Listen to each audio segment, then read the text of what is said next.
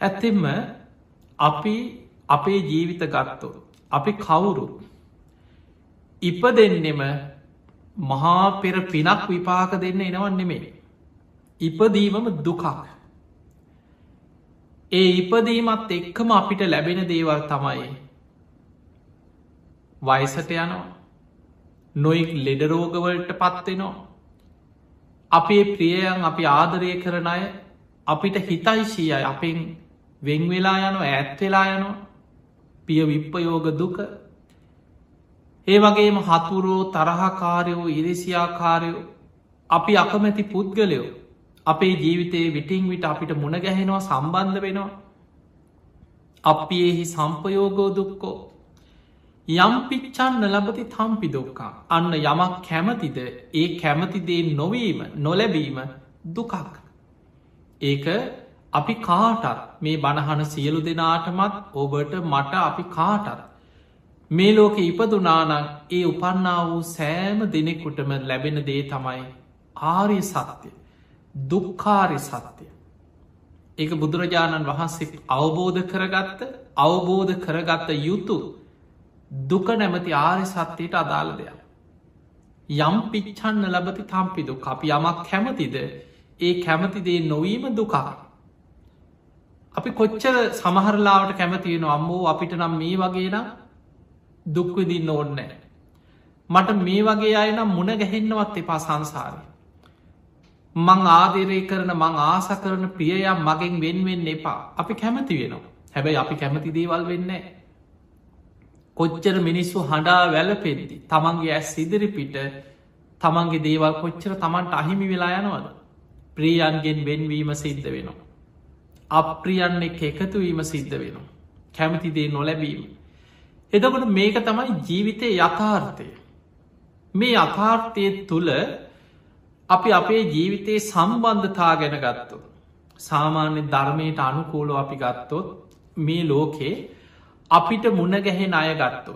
සාමාන්‍ය දෙමවපිය හැටියට වෙන්න පුළුවන් සහෝදර සහෝදරියන් හැටියට වෙන්න පුළුවන් නෑදෑව ඥාතීන් හැටියට වෙන්න පුළුවන් අසල් වැසිය හැටියට වෙන්න පුළුවන් ඒ මුණගැහෙන හැම දෙනෙක්ගෙම ස්වාමියෙක් බිරිඳක් හැටියට පෙම්වතෙක් හැටියට පෙම්වතියක් හැටියට ඔය මුණගැහෙන හැම දෙනාගෙම සංසාරික සම්බන්ධයක් තියෙන.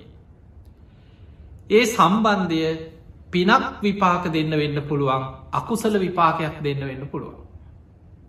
පෙර සසරේ ඒ අය සමග එකට ජීවත් වෙලා ඒ අයත් සමග එකට ජීවත් වෙනකොට ඇතිවෙච්ච ප්‍රශ්න තියෙනවා. ඒ ප්‍රශ්න කරපු එකට කරපු පින්කං වෙන්න පුළුවන්. සමහරලාවට ස්වාමියෙක් බිරිදක් පෙර පෙරජීවිතේ ඒ දෙන්න සමහරලාවට සම සද්ධාව දියුණු කළ ඔන්න දෙන්න එකට සද්ධාව වඩපු දෙන්නෙක් නම්. සමසීල දෙන්නම සිල්වත් ගුණධර්ම එකට පුරුදු කරපු සංසාර පුරුද්දක් තියෙනවන. සමතියාග එකට දම්පින්කං කරලා එකට දුගී මගේ යාචකයන්ට උදව්පකාර කරලා කරපු ත්‍යාග සම්පත්තිය සසරේ ප්‍රධාන වසයෙන් එකට පින් කරගත්ත දෙන්නේ. සම ප්‍රඥා ධර්මාවබෝධය පිණිස සසර ප්‍රඥාව වඩපු දෙන්නේ. එදකොට මෙවැනි අය සංසාරිකව සමාන ගුණධර්ම වඩලා තියෙනවා. බුදු හාන්දුරු පෙන්වා නකුල පිත්ත නකුල මාතා කියන දෙන්නට ඒ දෙන්න ඇවිල් අහන්නේ මේක තියෙන අංගුත්තරනිකායි නකුල පිත සූත්‍රය.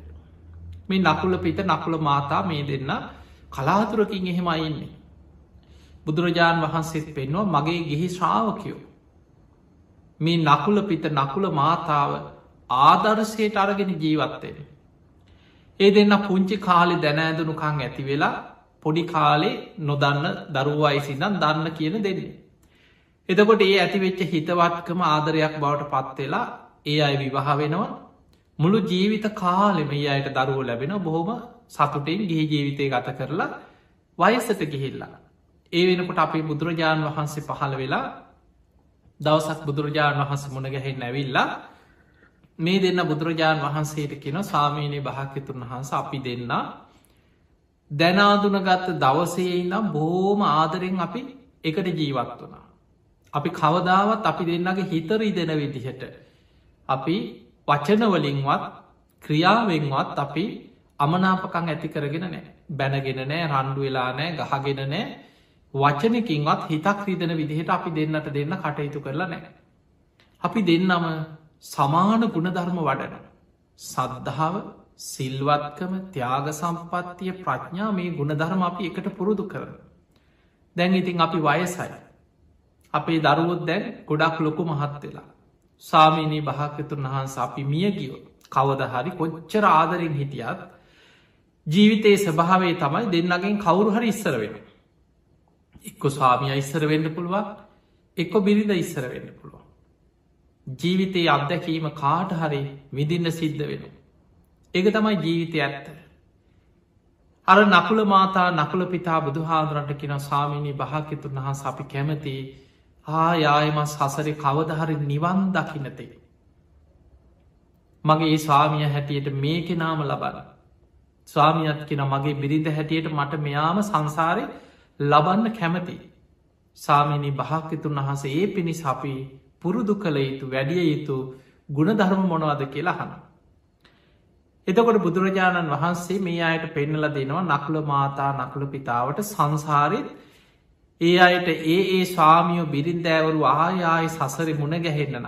තමන්ගේ ප්‍රියයන් එක්ක බොහොම සතුටෙන් ඒ බැලීම් එකේ ගමන යන්න නඟ. සමාන ගුණධර්ම හැටියට සම සද්දා සමසීල සමත්‍යයාග සම ප්‍රඥා කියන කරුණු සමාන වසයෙන් ඇති කරගන්න. ඒවා එකට එකතු වෙලා පුරුදු කරන්න එකට එකතු වෙලා දියුණු කරගන්න එකට වඩන්න එහි ප්‍රතිඵල හැටියට සංසාරයේ ඒ ඒ අය සංසාරික ආදරණී අය හැටියට සසර මුණ ගැහෙනු.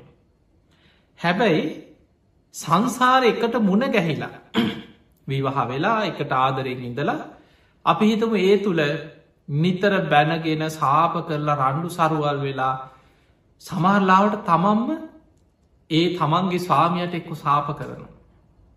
එක්ක ස්වාමිය බිරිඳට සාප කරනවා. මටනන් සංසාරයායි මුව මුණ ගැහෙන් එපා. මට මේ වගේ උන් දකින්නවට ලැබෙන් එපා. කවදාවත් මටනම් මේ මිනිහ ගැනනං ආයි හිතක් ඇතිවෙන් එපා කියලා සංසාර ඒ වගේ තමන් දවේශය වෛරය කේන්තිය මත යම් යම් සාප කරන අවස්ථා තියෙනවා. හිතෙන් දැඩිව අධිෂ්ඨාන කරනවා. වචනෙන් කියනවා. අඩා වැලපි සමහර ඔළුවට ගගහ බිමට අත් ගගහ කියනවා. එතකොට ඒස් ඒවත් සංසාරයේ තමන්ට බලපාන ඕනම කෙනෙකුට ජීවිතය බලපාන. එවැනි කෙනෙක් සසර ආය මුණ ගැහෙනකොට ඒ කර්ම විපාක ගෙවාගෙන මිසක් ඒ ආදරයක් බැදීමක් හදවතින් ආය ඇතිවෙන්නේ නෑ. සමහරලාවට ඒ කර්ම විපාක ගෙවෙනකම් බොහෝ කාලයක් සමහරුන්ට නොයෙක් විදිහට දුක්විඳන්න සිද්ධ වෙන. පිංහතුනේ බුදුරජාණන් වහන්සේගේ ධර්මය තුළ පෙන්නනවා මේ අපිට මුණ ගැහෙන බොහෝ දෙනෙ එක්කො අපි කරපු පින්කං අර එකට සසරි වඩපු ගුණධර්ම මත ඒවත් එක්ක පිනටත් මුණ ගැහෙනයි ඉන්නවා. දෙමවපියෝ වෙන්න පුළුවන් සහෝදර වෙන්න පුළුවන් ඥාතීන් වෙන්න පුළුවන් නෑදෑවෙන්න පුළුවන්. අපි කරපු පින්කං එක්ක පිනට බැඳිච්චයින්න සමහරු කියන්න අනේ මගේ පිනක්. එක්ක මගේ දෙමවපියෝ මට මහා වාසනාවන් ඒ අයි මට හරි මගේ පිනකටම ලැබිච්චයි මට ආයාය සංසාරය මේ දෙමවපිය මුණග එහෙම කියන ඉන්නවා එදකොට ඒ අතරම සමහර දෙමවපියෝ ඉන්නවා ඒ දරුවන්ට හතුරෙකුට වගේ වදහිංසා කරලා දරුවෝ දකිනකොට දත්මිටි කන. ඒ දරුව දකිනකොට සාප කරනවා. ඒ දරුවන්ට නොයෙක් වදහිංසා කරන. ඒ දරුව දෙමවපිය ඇසුර හැදෙන්නේ. ඒ දරුවත් ප්‍රාත්ථනා කරන අම්බෝ මට මේ දෙමවපියෝන ආයි සංසාරිවත් මුන් දකින්නවට ලැබෙන්න එපා. එතකොට ඒ වගේ සංසාරික හතුරමුණ ගැහෙනවා වගේමයි සංසාරය ආදරණීයන් තමන්ට මුණ ගැහෙන. ඊළඟට සහෝදර සහෝදරුව ගත්තා. නෑදෑයෝ ගත්තා. හිතවත්තු හැටියට ලංවෙන අය ගත්තා. සමහරය අපිට හිතෙන්න්න පුළන් මේ අහම්බෙන් යා මොන ගැහුණ කියල. සමහරලාවට ඔබ කොහයාර විදේශ රටකට ගිය වෙලාවක වෙන්න පුළුවන්. එක් ඔබ හදිසිය නොසිතන විනෝද ගමනක් ගිහිල්ලා. බස්සෙක යනකොට කෝච්චයක යනකොට ඇස ගැටෙන. හැබැයි දැක්ක ගමන් හිත ඇදිල්ල යන. සමහර වෙලාවට අර ජීවිතයේ ලක්ස ගණන් කෝඩි ගනම් මිනිස්සු එක්ක සමාජි වැඩ කරලා ඇති රස්සාවල් කරනකොට පාරතොටේ මුණ ගැහිලා ඇති කතා කරලා ඇති හිනාවෙලා ඇති දස දහස් ගනම් මිනිස්සු අතරේ තමන්ගේ ජීවිතේ එදිනිදා යනනකොට කොච්චර මිනිස්සු දකිනවා මුණ ගැහෙනවා හිනාවෙනවා කතා කරනවා හැබැයි ඒ සියල්ලට වඩා නොසිතපු විදිහට කෙනෙක්ගේ එක හිනාවක් එක වචනයක් කෙනෙක්ගේ ජීවිතය ඇදිලා යන්න පුළුවන් හැබැයි මතක තියාගන්න ඔබ අපි කවුරුත් මේ බණහන සියලු දෙනාම ඒ ඇදිලා යන්නේ යම් කිසි බැඳීමක් එක්ක. ඒක සමහර වෙලාවට අකුසල විපාකයක් ගෙවන්න වෙන්න පුළුවන්. පුුණ්‍ය විපාකයක් විපාක දෙන්න වෙන්නත් පුළුවන්. දැම් බලන්න ජීවිතයේ මෙහෙම දේවල් ඔබට මේ ජීවිතයේ සභාව හොඳට තේරුම් ගන්න පුළුවන්. සමහරා ඉන්නවා අවුරුදු ගණන් ආදරෙක් දැකපු ගමන් හිත ඇතිලා යන. පුදුම ආදරයක් ඇති නොයා නැතුවම ජීවත්වෙන්න බෑ වගේ හිතෙන. එදකොට තමන්ගේ මුළු ලෝක යා විතරයි කෙළ හිතෙන. ඊට පස්සේ හිත ඇදිල යනවා කොහොම හරි සම්බන්ධ වෙනවා කතාබහ කරනවා ඒ කටහඩහන්න නැතුව ඉන්න බෑ රූපය දකිින් නැතුව ඉන්න බෑ කොහේටිය එහෙම බැඳීන් ඇති වෙලා විවහත් වෙනවා. එහෙම කාලයක් ඉඳලා ඒ මිනිහගෙන්ම වදවිඳලා ගුටි කාලා අවසාන ඒ මිනිහගෙම මැරුම් කණයි නැද්ද. ඔබ හොඳට බලන්න මේ සමාජ අත්දැකින් තුළ මොකද අපි මේ සමාජි ගොඩාක් මිනිස්සුන්ට බණ කියලා කතා කරලා සාමාන්‍යයෙන් හැම ශේෂත්‍රයකම අපි මිනිස් ඇසුරු කරලා තියෙන. උසස් ශේෂත්‍රවල ඉදං මධ්‍යම් පන්තිය අපරාධ කරනය අපි කොච්චර ගිහිල්ල බන්ධනාගාර ඇතුළේ බණ කියනවද. මහා දරුණු අපරාධකාරයෝ මිනීමරපු අය එල්ලුම් ගහට නියම් වෙච්ච මිනිස් අපි එකතු කරලා බණ කියලා භාවනා වැඩ සටහන් කරලා ඒ මිනිස්සු අඩාගෙන දුක කියනකොට අපි ඒවට ඇහුම් කන්දී ලවුන්ගේ හිත හදලා අපිට ඕන තරම් සමාජ අත්දැකින් තියෙනවා. ඒ තුළ සමහරය අපිට මුණ ගැහිලා තියෙනවා අවුරුදු දහය පහළව ආදරය කරලා. ජීවිතේ විවාහ වෙලා කාලයක් ඉඳලා දරුවෝට් ලැබිලා අවසානයේ පුංචි දේකට එක්ක පොඩි බහිම් බස්වීම පොඩි සැකයක් කවුරු හරි කියපු කේලම මේ වගේ දෙයක් මතර බිරිඳ මරලා එල්ලුම් ගහටනිය වෙලා හිරේ ඉන්න මිනිස්ව අපිට මොන ගැහිලා තියෙන. එතකොට ජීවිතයේ ස්භාවේ තමයි අර දැකපු ගමන් හිත ඇදිලා යනකොට හිතුන්නෑ කවදහරි මාව මරන්න මේ මිනිහ කියල දැක්කෙනෑ. ආදරය කරනකොට මට මෙයා නැතුව බෑ කියලා හිතනකොට හිතුන්නෑ මේ මිනිහගේ මං කවදහරි මැරුම් කයි කියලා හිතුන්නෑ. එකට ජීවත්වෙනකොට එකට කාලබීලා එක ගෙදර ඉන්නකොට ආදරය කරනකොට කවදාවත් හිතුන්නෑ මේ මිනිහ කවධහරි මාව මරයි කියල. හැබැයි කාලයක් ඉඳලා අර කර්ම විපාකි විපාක දෙන්න මෝරලා එන අවස්ථාවක් එනවා. එතකං මේක තමයි ජීවිතවල ස්වභාවෙන. ඒ නිසා දැම් බලන්න මේ කර්ම විපාක. තමන්ගෙම කුසින් වදන දරුවා මරණ අම්මලයිනවා. ඊළඟට කොච්චර ආදරෙන් හදා වඩා ගත්තා. තමන්ගේ දෙමව්පියන්ට ගහල වදදීලා නොමර මරණ දරුව ඉන්නවා. දෙමව්පිය මරණ දරුව නැත කොච්චර ඉන්නවාද. සමාජය. එතකොට තමන්ගේ දරුවන් නොයෙක් විදිහට වදහිංසා කන දෙමව්පියෝ ඉන්න. ස්වාමිය අතින් බිරිඳ මැරෙන අවස්ථා. බිරිඳ නිසා ස්වාමිය ජීවිතේ දුක්විඳල දුක්කිඳල එක්කො මිනිහට වහදීල හරි මරණ සිදුවී. කොච්චර සමාජය යහන ලැබෙනවද. සහෝදර සහෝදරයා ඥාතීන් අසල් වැසියන් මහා අපරාධ මිනීමැරුන් හිතාගන්න බැරි දේවල් සමාජ මතුවෙන. එතකොට ඔවුන් යම් කාලෙක හිතවත්කම් ඇති වෙච්චාය. යම් කාලෙක බොහොම ආදරෙන් හිටපු අය. යම් කාලෙකද හිත් බැඳි ලගියයි.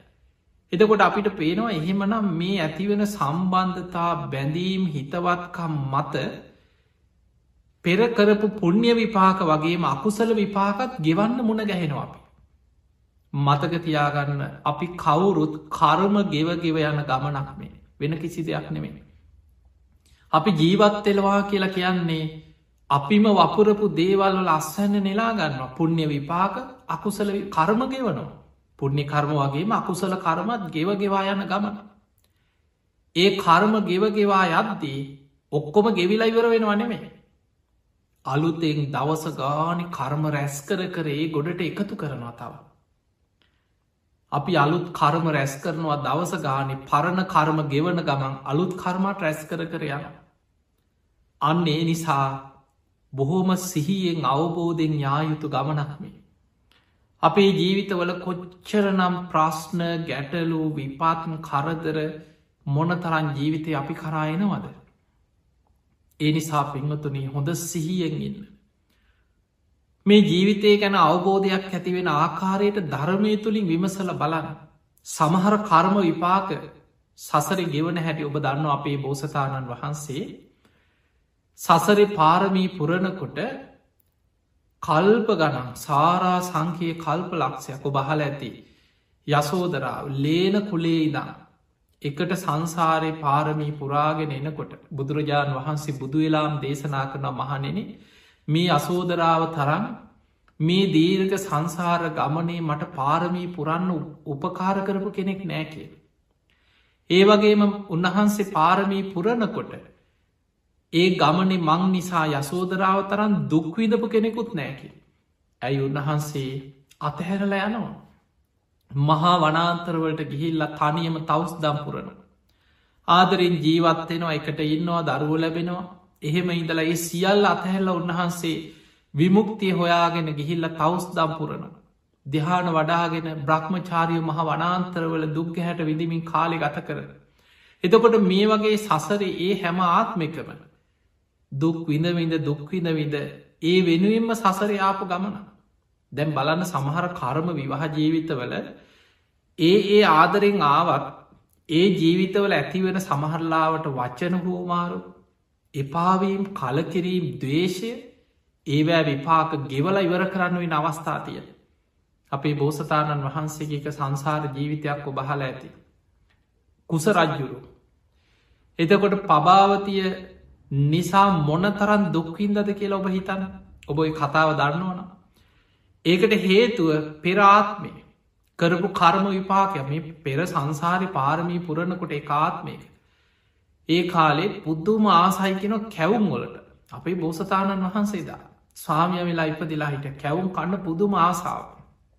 එතකොට කැවුම්වලට හරි පෙරේතයි. ඉතින් එදා ඒ බෙරිද කොහෝම හරි බොහොම දුප්පත් ඉතිං ඔය නූල් වියල තමයි රෙදිවියන ගම්මානක බොහෝම දුකසේ ජීවත්වෙන ඔය අතරි කොහෝම හරි තින් කැවුම් ගෙඩියක් හදල තමන්ගේ ස්වාමියයට කැවුම් හදල දෙනවා. ඒ මහන්සි වෙලා ගව පට්ටිය දක්කගෙන ගිහිල දවස වැඩ කර ලැවිල්ල කැවුමක් කන්න තමයි ආස කැවුම් වලට පුදුම පෙරේතකම. ඔය අතරේ දවසක් ස්වාමිය වෙනුවෙන් කැවුම් හදල තිබුණ කැවුම් ගෙඩි කීපයක් හදල තිබුණ. ඔය කැවුම් හදල තියෙන අතරේ පසේ බුදුරජාණන් වහන්සේ නමක් පින්ඩ පාති වඩිනකොට බුද්ධ ශූන්‍ය කාලයක් පසේ බුදු කෙනෙ. පින්ඩ පාති වැඩියමේ නිවසට. අර දේවියට පුදුම ආසාාවක් ඇති වුණ අනේ මට දානයක් තින්න අවස්ථාව. ගෙදර හරි වෙන දෙයක් නෑ හැබැයි කැවුන් තියන පැණි කැවුන් තියෙනවා. ඉක්මනට ගිහිල්ලා අර කැවුම් ගෙඩි කීපයයි තිබුණ දෙකතුනයි තිබුණ ඔය කැවුම් ගෙඩි කීපේ මරගෙන ගිහිල්ල පාත්තරයට පූජ කර. පූජා කරලා බොහෝම සද්ධාවෙන් වන්දනා කරා ඒ කරපු පින සිහි කර කර සතුටින් හිටිය. ටික වෙලාවකින් ස්වාමිය ගෙදරටාවක් ඒ ගෙදර එන්නෙම ආසාාවෙන් බිරිඳ කැවුම් ගෙඩියක් හදරතියේ කියලා කැවුම් කන්න බලාගෙනේ. ගෙදර එනකොට එදා කැවුම් ටික මගදි මුණ ගැහුණාර ආරයන් වහන්සේ පසේ බුදුරජාණන් වහන්සේ පින්ඩ පාති වරින මගදිත් මුණ ගැහුණ. ඒ අතර ඉතිං දුවගෙන ගෙදරාව හැවුන් ගෙඩිය කන්න ආපකම බලකට බිරිද කීවා මේ දැම් පින්ඩ පාති වැඩිය ආරයන් වහන්සේ නමකට කැවුම් පූජා කරන්නේ ඒ අනුමෝදං වෙන්න කියව. ඉක්මනට කොසියට ගිහිල බැලුව තමන්ගේ කැවුන් ටික නෑ එකක්කත් නෑ පුදුම කේන්තියක් ගිය කැවුන් තිබ මුට්ටියම උසල පොලේ ගැහු. පොලේ ගහලා බිරිඳට බැනල කෑගහලා මගේ කැවුම් මොකටද මේ ශ්‍රමණයකුට දුන්නේ.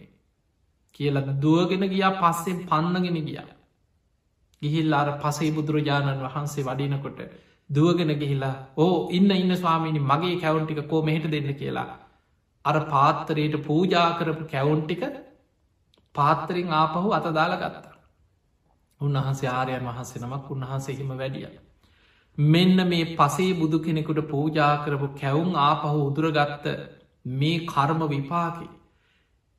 තමන්ට ඊළඟ ජීවිතය විපාක දුන්නේ තමන් දුගතිය වැටිලා මනුස්සලෝකට එනකොට මෝන සම්පූර්ණයම නහය කැවුමක් වගේ විකෘති වෙච්ච මෝනා.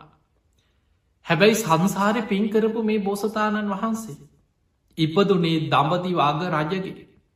අග රජ්ජුරුවන්ගේ බිසවගේ කුසෙන් ඉපදුනා. රජකම උරුම මහා පින්වන්ත කුමාරය. හැම දක්ෂතාවයක්ම කඩුසිල්ප දුනුසිල්ප සංගීතය ගායනය මූර්ති නිර්මාණ චිත්‍රාදිනේවා හැම දේකටම පුදුම දක්සයි. හැබැයි සමාජයට මූුණ පෙන්න්න බෑ මූුණ විකෘති මූුණ නහය කැවුමක් වගේ. හැබැයි එදා දේවිය මේ සිදුවීමේදි විශාල් දුකට පත්වෙලා තමන් සද්ධාවෙන් පූජා කරේ. එදා අඩ අඩා ප්‍රාර්ථනයක් කරා මේ මිනිහනම් මටයි ලැබෙන් එපා කියල. එදකොට මට මේ මනුස්්‍යය ගැනනං ආයි ආදරයක් නං ඇතිවෙන්නේ පාහු ගැන. සංසාරයවත් මේ මනුස්්‍යය ගැන මගේ හිතේ ආදරයක් බැදීමක් ඇතිවෙන්න එපා කියල ප්‍රාර්ථනයක් කර හැබැයි සසර මේ පෙරුම් පුරාගෙන එකට ආපු බිරිඳට එදා ඇතිවෙච්ච දවේශහිත තමන් පූජා කරපු අර කැවම උදුරගත්ත වෙලා ඇතිවෙච්ච සිතුවිල්. ඒ දේවියක් ඊළඟ ජීවිත ඉපදුනා වෙනත් ඒ රාජ්‍යම දඹදිව පුංචි කුඩා ප්‍රාදේශය රාජ්‍යක රජ්ජුරුව කෙනෙක්ගේ දුවක් හැටියට බොහෝම ලස්සන දිව්‍යාංගනාවක් වගේ දේවයක් වෙලා ඉපතුළු. පභාවති දේවි. එදකොට ඔය කතාව බහල ඇති එතනින් පස්සේ. මේ කුස රජ්ජුරුවන්ට මේ කුස කුමාරය එතකොට. ඔහුට දැන් නිසි වයසේනකොට ඔහු ලස්සට චිත්‍රාදීන අර සංසාර පුරුද්ධට හිතේ මැවිල පේන්න මේ පභාවතියක රූපය මැවිල පේනවා. ඒ චිත්‍රාදීනවා. පිළිම නෙලනවා. රත්තරං වලින් ඒ විදිහම ප්‍රතිමාවක් නිර්මාණය කර. තමන්ගේ දක්ෂතාව රත්තරං කාන්තාරුවත් දිව්‍යාංගනාවක් වගේ රූපයක් නිර්මාණය කරන්න. එදා තමන්ගේ පියරජ්ජුරුවයි දේවිය යැවිල්ල මේක බලල කිව්ව පොතේ මේ නං හිතාගන්නවත් බෑ ඔබේ දක්ෂතාව. ඔබ මහා පුදුම දක්ෂේ. ඔබ හැම දේකටම සුදුස්සේ. ඔබ විවාහ වෙන්න සුදුසු කාලයයි. ඊට පස්සෙ කිව මාව කවුද විවාහ කරගන්න? මං වගේ කෙනෙක් මේ මූුණේ තියෙන කැත මගේ රූපය විකෘති. මං මූුණුවක් පෙන්න්න ඇතු බොහෝ වෙලාවට මිනිස්සු අතරට යන්න මූුණ වහකෙන කවුද මට කැමතිවේ ඊට පස්සේ දෙමවපියෝ කියන්න ගත්තා ඔබ තමයි මේ දඹදිව් තලේ අග රජ වෙන කෙන රජ හුරුම කෙන ඔබත් එක කවුද විවාහවෙන් අකමැති ඒ වෙනකොට අපේ බෝසතාණන් වහන්සේ කුස රජ්ජුරුවන්ගේ හිත තිබුණ කුස කුමාරයාගේ පැවිදිවෙන්න. භාවනා කරන්න. තනියම කැලේට ගිහිල්ලා දින ගණන් භාවනා කරනවා. එහෙම භාවනා කරනකොට තමම්ම භාවනා කරනකොට තමන්ට පෙර සසර පුුණ්‍ය ශක්තියට ජාතිස් මරණ ඥානය පහළ වුණා. තමන් භාවනාවෙන් පෙරජීවිතය දැක්කා ඇයි මට මෙහෙම වුණේ මට මේ හැම හැකියාවක්ම ලැබිලා. මෙච්චර ලස්සන රාජ්‍යයක් මට ලැබුණ. අග රජ වෙන්න උරුමකම් තියෙනවා. මහා ලස්සන නිර්මාණ කරන්න පුළුවන් සංගීතයේද නිර්මාණද මූර්තිද හැම දෙයක්ම පුළුවන්. හැබැයි මට විකෘති මූනක් තියෙන්නේ. ඇයි මට මෙහෙම උනේ කියලා භාවනාවෙන් බලනකොට දැක්ක පෙර ජීවිතේ තමන් කරපු අකුසල විපාකි දැක්ක. මේ කර්ම විපාකි තමන්ට ඒ ජීවිතයේ ගෙවන්නම වෙනවා. ඒ කර්මය ගෙවල අවසන් කරන්න තමන් මහා දුකක් විදින්න තියෙනවා තමන්. රජ පවුලක ඉපදුනත් කර්මය ගෙවන්න විශාල දුකක් විදින්න තියෙන අනාගතය. එතකොට අර දේවිය එදා කරපු ඒ සාපයක් දැක්කා. ඒ දේවියගේ හිත දිනාගෙන දේවිය තුළින්ම තමයි ආදරය ඇතිකරගෙන මේ සාපෙන් මිදන්න තිය. ඒ කර්මි ගෙවාගන්න තිය. ඒ වෙනුවෙන් අර හිතේ ඇදිච්ච නිර්මාණය භාවනාවෙන් දැකපු පෙරජීවිතයේ තමන්ගේ දේවියගේ රූපය මූර්තියකින් නිර්මාණය කර. අවසානය තමන්ගේ දෙමවපියන්ට කියා හිටියා විවාහවෙන්න විවාහවෙන්න කියලා බල කරනකොට. මට මේ විදිහේ මෙන්න මේ රන්රුව වගේ සමාන කාන්තාවක් නම් විවාහ වෙන නැත්නම් විවාහ වෙන්න ඇකි. අවසාන දෙමවපියෝ මේ රන්රුව කරත්තයක තියල සරසලා රාජ බටයෝ සමඟ රාජ්‍යෙන් රාජ්‍යයට දමදිව් තලේ පුරාම පිටත් කරා හැම තැන මඩ බෙරගගහ. මීට සමාන රූපයක් තියෙන කාන්තාවක් හොයාගන්න. ඔහොම යනකොට කොහොම හරි කුසාවතීපුරයට යනකොට අර දේවිය මුණ ගැහුනම් මේ වගේම රූපයක් තියෙන. පභාවතී දේවිය. එතකොට මුණ ගැහුණට පස්සේ දැක් කොහොම හරි විවාහයක් සිද්ධ ඒ විවාහය සිදු කරෙත් මූුණ වහල. අවසානි දැන් රාත්‍රී කාලෙ මේ අය එකතු වනාට මූුණ පෙන්න්නන්නේ නෑ පහන් නිවල රාත්‍රී කාල එකතු වෙනවා. මේ රජ්ජුරු රාජකය පිරිස කල්පනා කරා රජ්ජුරුවන්ගේ මෑනයන් කල්පනා කර අපේ පුතාගේ මූුණ දැක්කොත්නම් මේ බිරිත අතහැරල දාලා යනවා. හැබැයි කවදහරි ඔහොම ඉඳලා දරුවෙක් ලැබුණොත් දරුව නිසාහරි ආදරෙන් ඉදී. එතකම් මේක රාජකය චාරිත්‍රයක් කියලා මූුණ පෙන්න්නන්නේ නැතුව මූුණ හංගල රාත්‍රී කාලෙ විතරක් මේ අයට එකට සම්බන්ධ කරලා එකට ජීවත්වෙන සලස්සලා ඉරේලිය වැටෙනකොට මූුණ පෙන්න්න නැතුව මූුණ වහල කාම්බරෙන් පිටත් කරු. ඔහොම ටික දවසක් හිටිය මූුණ පෙන්න්න නැතුව. හැබැයි මූුණ දැක්කේ නැති වුණාට සංසාරයකට බැදීමෙන් ආපු සංසාරික කල්ප ගනම් ප්‍රේමයක්. ඒ කටහඬ ඒ බැඳීමත් එක්ක බොහොම ආදරයක් ඇති වුණ. හැබැයි කොහොම හරි පස්සෙ මූුණ දැකපු දවසේ හර සංසාරිකව ඇතිවෙච්ච එදා ඒ ඇතිවෙච්ච සාපය තරහව වෛරය මේකත් එක්ක ස්වාමිය එපා වෙලා දාලා කියා යන්න. මංමයායක ඉන්න නෑ කියල දාලා ගියා. අවසානි මේ කර්ම විපාක ගෙවන්න මේ කුස කුමාරය රජ්ජුරු මහා දුකක් විදිනවත් දේවියක් නිසා. රජකම උරුම රාජ කුමාරය දේවියගේ රාජ්‍යයට වෙස් හලාගෙන ගිහිල්ලා දේවිය දකි නැතුව ඉන්න බෑ. ඒ නිසා පුදුම දුකක් විදිනවා. ඒ දුක තුළ කාලයක් ඇඩ්ගාලෙ ඇඩ්ගෝවෙක් හැටියට වෙස්වලාගෙන සේවය කරන දැම් බලන්න මේ රාජ කුමාරි දම්පති වාග රජවෙන්න ඉන්න කෙනා බිරිඳක් නිසා බිරිඳගේ ආදරයේ පතාගෙන ගිහිල්ලා ඒරා තමන්ව දාලාපු බිරිඳව දකින්න. බොහෝ කාලයක් අවුරුදු ගණනාවක් ඇත්හලේ ඇත්තු නාවමින් ඇත්ගොව්වෙක් හැටියට වෙස්වලාගෙන හිටිය. ඒ ඊළඟට ගෙදර වැඩකාරයෙක් හැටියට වැඩ කරා. මේ දේවිය මල්මාලා යවනකොට මල්මාලාකාරය හිතවත් කරගෙන ගිහිල්ල මල් නෙලනවා. මල් අමුණල දේවයට මල් යවන. හැබැයි දේවිය දැනගත්ත හම මේ කුස කුමාරය තමයි මේ වෙස්වලාගේ නැවිල්ල මේ මල් සකස් කරේ කියලා ආරංචි විත්න හම අර මල්ටික වීසි කරනවා කඩලා මට එපාවකගේ මල් කියලා. ඊට පස්සේ දේවිය බොහොම ලස්සන නිර්මාණවලට ආසයි. මැටි නිර්මාණ ලස්සනට ඒ කාලි මැටියෙන් හදල නිර්මාණ කැටයන් කරලා වනවා. ඒක දැනගත්තට පස්සේ මැටි කුඹල් කාරය ළඟට ගිහිල්ලා එතන වෙස්වලාගෙන එතන වැඩ කර කර ඒ ලස්සනට බඩු හදහද දේවයට ඇරිය. අවසාන මේ කුසකුමාරය තමයි මේ වෙස්වලාගෙන මට මේ හදල එවන්න කියලා දැනගෙන මැටි බඩු පොලේ හල වීසි කර මට එපාකියෝගියෝ. අන්තිමට දේවිය දකින්න මවුරුදු ගානක් ඇවිල්ලා තමන්ගේ භෝජනාගාරේ අත්වැඩදිදී කෑම හදන සේවකෙක් හැටියට කාලයක් වැඩ කර. ඔච්චර බොහෝ දුකක් විඳලා විඳලා විඳලා. අවසාන ඒත් දේවිය කැමති අවුරුදු ගණක් දුක්විඳෙනවා. අර කර්ම විපාක ගෙවනවා. පෙර සසරි අර කැවුම් උදුරගෙන. එදා දේවියගේ සාපයත් පසේ බුදු කෙනෙක්ගේ කැවුම් උදුරාගත්ත මේ කර්ම විපාකෙන් ගෙවපු හැටි.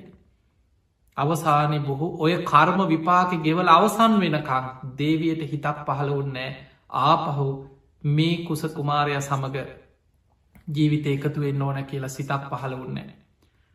අවසානි දඹදිවාග රජ්ජුරුවන්ට ලැජ්ජයි දැන් තමන්ගේ පුතා විවාහ කරලා දුන්නට දාලගිය රජ්ජුරුව පණවිඩෙව්වා එන්නේ නෑක මමනම් මෙයා එක් ආජීවත්තෙන් නෑ කියව. මාව හත් කඩකට කපල මැරුවත් මම එන්නේ නෑ කියලා පණවිට ඇරිය දඹතිවාග රජ්ජුරුවන්ට. එච්චර දැඩි තීරණයක්.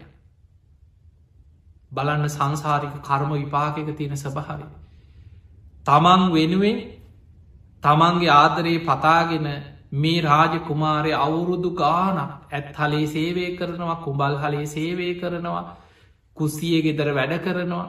මල්මාලා ගොත ගොතාය වනවා කොච්චර අවුරුදු ගානක් තමන් වෙනුවෙන් ජීවිතයේ දුක්වින්ද. රෑ එලි වෙනකං ඈත ඉඳං ඇහෙන්න වීනාවාදනය කරන.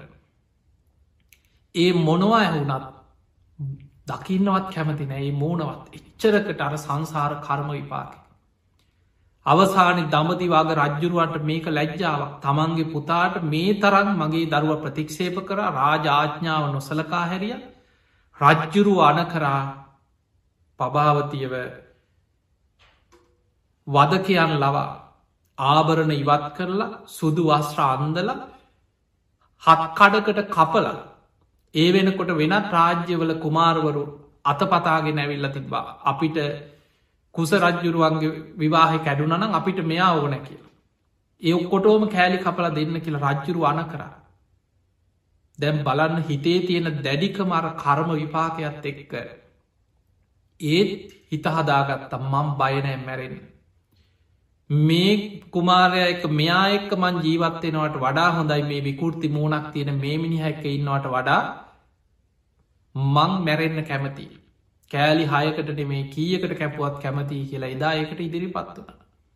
අවසානයේ මල්මාලා රතු මල්මාලාවක් දාලා ආභරණ ඉවත් කරලා බෙර ගගහා නගර මිනිස්සු රැස් කරලා ගෙනහිල්ලා වදකව් ලවා හත් කඩකට කපන්න සූදානන් වෙන වෙලාවෙ තමයි අවසාන මොහොතේ වෙස්සලාගෙන ආපු මේ කුස කුමාරයා සටන් කරලා දේවිය බේරගත්ත.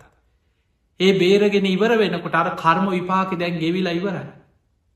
සම්පූර්ණ අර මූුණෙ තිබ්බ විකෘති භාවයෙන් නැති වෙලාර කැවුමක් වගේ තිබ්බ නහය සම්පූර්ණෙම වෙනස් වෙලා බොහම ලස්සන රාජකුමාරෙක් වගේ දේවිය බලාගෙනින් නැතිම රූපය වෙනස් වන. ඒ රූපය වෙනස් වෙනකොට ඒ රූප වෙනස් වුනේ අර කර්ම විපාක ගෙවිලා ඉවර වුණ. එදා පසේ බුදු කෙනෙගේ පාත්තරය අර කැවම උදුරගත්ත කර්ම විපාක ගෙවිල අවසන්න වුණා.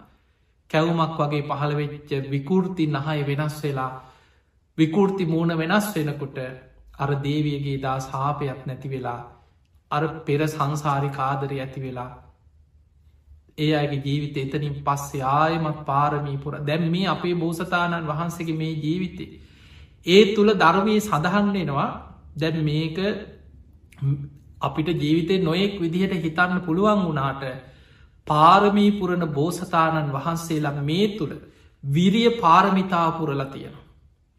කන්ති ඉවසීමේ මොන්න තරං ඉවසීමක් තියෙන් ඕොද කියලා බලන්න. කෙනෙක් හිතන්න පුළන් මොකටද මේ ආදරයක් නිසා මෙච්චර මේ නෝන්ජල්වේගෙන යන්න කියලා. එතකොට මේ කර්ම විපාකත් එක්ක ජීවිතේ ඉවසීමේ කන්ති පාරමිතාව වීරිය පාරමිතාව සසරේ තමන් වීරියෙන් යම් අධිෂ්ඨානයක් තුළ තමන්ගේ ජීවිතය පුරුදුය කරන්න මේ ඉවසීම වීරිය අධිෂ්ඨාන ඒව මත පෙර අකුසල් ගෙවා ගත්ත. මොකද කුස රජ්ජුරුව ඒ තරන් දුකක් වින්දේ දැක්කා තමන් භාවනා කරලා තමන්ගේ පෙරජීවිතය දැක්කා. මේක මම කරපු කර්මයක් මම පෙර ජීවිතය කරපු අකුසලයක් මං කොහොමහරි මේක ගෙවන්න ඕනේ. මේ ජීවිතේ මං වීරියෙන් මේ අකුසලේ ගෙවල අවසන් කරනවා කියලා කර්ම විපාකයේ එච්චර දුක්විඳලා දුක්විඳලා ගෙවා ගත්ත. එතකොට බලන්න සමහර කර්ම විපාකවල හැටි රජ පවුලක ඉපදුටත් දඹදිව අගරජවෙන්න පින තිබුණත් ඒදේ ලබන්න පෙර රජ පවුලක කෙනෙක් නොසිතන විදිහට කුඹල්කාරයෙක් හැටියට ඇත්ගෝවෙක් හැටියට ගෙදර උයන වැඩකාරයෙක් හැටියට වතුරෑදෑද මල්ගොතකොත අවුරුදු ගානක් කාන්තාවක් නිසා ආදරෙන් දැවි දැවී පිච්චි පිච්චි මහා දුකක් ජීවිතය අවුරුදු ගණනාවක් ගෙව්වා. ඒ කර්මය ගෙවල අවසන් කරනකාන්න. ඒ ජීවිතවල සතුටෙන් ඉන්න පුළුවන් පරිසරයක් හැදුන්නෑ කර්මය ගෙවෙනකම්. ඒ නිසා ජීවිතේ මතකතියාගන්න කර්ම විපාකත් එක් අපි කවුරුත්තයන් අපිට සමහර වෙලාවට අහම්බයක් වගේ දැක්කට ඒවා ජීවිතය අහම්බයක් නොවේ යම් යම් කර්ම විපාකත් එක්ක මුණගැහෙන සිදුවී. ඒ නිසා පිංහතුනේ මේ යන දීර්ග සංසාර ගමනේ. අපිම සසරි වපුරපු දේවල් අපි අස්වැන්න හැටියට නෙලනවා. බුදුරජාණන් වහන්සේ පෙන්වා සංසාරයේ ගිහි ජීවිතය අතර විවාහ වෙන්න බලාපොරොත්තු වෙන කෙනෙ විවාහ ජීවිතයක් ගත කරන කෙනෙකුට යහපත් ස්වාමියෙක් ලැබෙන්න්නත්. තමන්ගේ ජීවිතය තුළ බොහොම ආදරණීය විදිහට ජීවිතේ තමන් ප්‍රාර්ථනා කරන විදිහට සතුටින් ජීවත්වෙන්නත් සමාන ගුණධර්ම සසරි පුරුදු කරා. ඒවට අවශ්‍ය සම සද්ධාව. සද්ධාවෙන් සමානවෙන්. සාමිය බිරිඳ දෙන්නම එකට සද්ධාවෙන් නිතර බුදුන් අදිනවා බුදුගුණ සිහි කරනවා බණහනවා ධර්මී ගුණ සිහි කරනවා සමාන ගුණධර්ම වඩනවන සමසීල දෙන්නම සිල්වා නිති පන්සිල් රකිනවා පෝයිට පෝසතය රකිනවා ඒ සීලේ කියන්නේ තමන්ට මහා විශාල ආභරණය තමන්ගේ ජීවිත කාලි විශාල ආරක්ෂාවක් සීලේ කියල කියල ඊළඟට සමත්‍යයාග අතහැරීම. එකට දන් දෙනවා එකට පින්කං කරනවා එකට මහා පින්කන් සංවිධානය කරනවා. බොහොම සතුටින් දම් පින්කං කර කර එකට පින් රැස් කරනවා. එකට බණ භාවනා කරන අනේ කවදහරි නිවන් දකිම කියල එකට භාවනා කරනවා. අන්නේ ගුණධර්ම සමානව ඇති කරගත්ත කෙනාට බුදුහාන්දුරුව උපමා කීපයක් පෙන්වා මේක තියෙන්නේ සමජීවිත් සූත්‍රය කියලා අංගුත්තර නිකාය. මහනෙන ස්වාමිය තුළ සද්ධහා සීල ත්‍යාග ප්‍රඥා කියන ගුණධර්ම තියෙනවනම්. බිරිඳ තුළත් ඒ වගේම සද්ධාව සිල්වත්කම ත්‍යාග සම්පත්තිය ප්‍රඥාව තියෙනවන. එවැනි දෙන්නෙක්ගේ විවාහ ජීවිතයක් දෙවියෙක් දිව්‍යාංගනාවක් එක වාසය කරනවා වගේ කිය. අන්න බුදු හාමුදුරන්ගේ උපමාව දෙවියෙක් දිව්‍යාංගනාවක් එක වාසය කරනවා වගේ කිය. හැබැයි ස්වාමයා සද්ධාවක් නෑ මෙලෝ සීලයක් නෑ පිනට දහමට නැඹුරුවක් නෑ බණ භාවනාවකට ධර්මයට උනන්දුවක් නෑ පින් පව් විශ්වාසයක් නෑ කර්ම කරම්පල විශ්වාසයක් නෑ හැබැයි බිරිඳ බොහොම සද්ධාවන්තයි සීලවන්තයි ත්‍යාග සම්පත්තිය ප්‍රඥාව. තමන්ගේ සංසාර කරම විපාකෙකට ස්වාමයා ඒ ජීවිතය අර වගේ නම් එවැනි ජීවිතයක් බුදු හාමුදුරුව පෙන්වත් දිව්‍යාංගනාවකට මළමිනියක් එක්ක වාසය කරන්න වනා හා සමානයිකි. එතකොට ඒ ජීවිතේ දිව්‍යාංගනාවක් මළමිනියක් එක වාසය කරනවා හා සමානයිකි. ඊළඟට බුදුරජාණන් වහන්සේ වදාලා සමහර විවාහ ජීවිත තියෙනවා සාමයා දෙවියෙක් වගේ බොහෝ ගුණධර්ම ඇති පින්වන්ත කෙනෙ සද්ධාව තියෙන. හරීම සීලවන්තයි. හරියට පිනට දහමට ලැදී. හොඳට බණ භාවනා කරනවා ධර්මය අවබෝධ කරන්න මහන්සිගන්න පින් පව් කර්ම කරම්පල විශ්වාස කරනවා. මෛත්‍රිය කරුණා මුදිතා වඩන ස්වාමී. හැබැයි ඒකට බිරිඳ යක්ෂණයක් වගේ. බුදු හාමුදුරන්ටත් බයිනවා තුනුරුවන්ටත් බයිනවා මෙලෝ ගුණ ධර්මයක් නෑ දුස්සීලයි ඊළඟට දානයක් දෙන්න පිනක් කරන්න හරිම මසුරුයි ලෝබයි ධර්මයට නැබුරුවක් නෑ බණ භාවනාතියා ස්වාමිය පින්කං කරනවට කැමතිත් නෑ එවැනි බිරිඳක් නම් තමන්ගේ පෙර අකුසලයකට තමන්ට ලැබිලතිය ඒක පෙර කර්ම විපාකයක්. ඒ අකුසලේ ගෙවෙනකං ඒ බිරිඳත් එක එක ගෙවන්න වෙන හැබැයි බුදු හාන්දුර පෙන්න්නා මහනනයේ ජීවිතේ හරියට දෙවියෙකුට මළමිනියක් ලැබුණ හා සමානයි. ඒ ජීවිතය තුළ බොහෝ දුකසේ අර කර්ම විපාක ගෙවන්න වෙනවා. ඊළඟට බුදුරජාණන් වහන්සේ පෙන්නවා ලෝකයේ සාමිය බිරිඳ දෙන්නම ගත්තත් දෙන්නටම සද්ධාවනය. දෙන්නම දුස්සීලයි. දෙන්නට දෙන්න හොරකමේ හොරකං කරනවා අනාචාරයේ දෙනවා ස්වාමියත් වෙන සල්ලාලකමේ දෙනවා කාන්තාව පෙර වෙන පුරුසයෝ කරා යනවා දෙන්නම මත් පැම් මට්‍රවයෝල්ට ලොල්ලෙලා දෙන්නම මසුරුයි ලෝබයි ධර්මයට නැඹුරු නෑ පින් පව් විශ්වාසයක් නෑ කර්ම කරම්පල විශ්වාසයක් නෑ එවැනි ජීවිත බුදු හාන්දුරු පෙන්වා මළමිනි මළමිනි එක්ක වාසය කරනවා හා සමානය කියව. එතකොට ඒ ජීවිතය තුළ දෙන්නම මළමිනී දෙකක් එකතුනාවගේ තමයි. මළමිනියක් මළමිනියක් එක වාසය කරනවා හා සමානයි. මේක සඳහන් වෙන අංගුත්තරනිකායේ පටම සමජීවී සූත්‍රය. එහෙනම් අපිට පේනවා ජීවිතයේ දෙවියෙක් දිව්‍යාංගනාවක් එක වාසය කරනවා වගේ මොකද මේ දේශනාව ගොඩාක් වැදගත්. විවාහවෙන්න බලාගනඉන්න විවාහයට සූදානන් වෙන විවාහ වනත් ජීවිතය තුළ යම් ප්‍රශ්න එනකොට මේක මගේ පෙර සසර කරමයක් කියලා තේරුම් ගන්න. ඒ කර්මය ගෙවිය යුතු එකන එක තේරුම් ගන්න. ඒ තුළ තව තවත් දෙන්නට දෙන්න රණ්ඩු වෙලා සාප කරගෙන බැනගෙන තවත් කර්ම රැස්කර ගන්නේ නැතුව ඉවසීමෙන් මේක තේරුම් අරගෙන බුද්ධිමත්ව ඒක ගෙවාලගෙන අවසන් කරගන්න දක්ෂවෙන. නැත්නන් සසර පුරා සමහර කර්ම තියෙනවා ඒ ජීවිතය ගෙවලා ඉවර කරගන්න බැරිවෙන. ආත්ම ගණන් සසරේ විදෝ විදෝ විනෝ විදෝ ගෙවගෙවා ගෙවගෙවා සංසාර යන. ඒ නිසා අපි කවුරුත් ඉපදීම දුකක්. ඉපදුනානං අපි කවුරුත් ලෙඩ වෙනවා වයසට යනවා ජරාවට පත්වන එක දුකා. ඔබ මම අපි කවුරුත් පෙරකරපු කර්ම ගෙවනවා අලුතෙන් කර්ම රැස් කර කර යන. හැබැයි පිංවතුනී මහරහතන් වහන්සේලා ගැන පමණයි බුදුරජාණන් වහන්සේ පෙන්නල දුන්නේ කීනම් පුරාණ උන්වහන්සේලා පෙර කර්මශය කරලා. නවන් නත්ති සම්බව අනාගතයේ භවයක් පිණිසාය සංසාරය කර්ම රැස් කරන්නේ විරත්ත චිත්තා ආයතිකේ බවස්මින් ආයමත් අනාගතය භවයක හිත පිහිටන්නෙත්න. නිබ්බන්ති දීරා යථායම්පදිප ඒක හරියට පහනක් නිවිලගයා වගේ. පහන් සිලක් නිවිලගයා වගේ. උන්වහන්සේලා නිවී යනවා.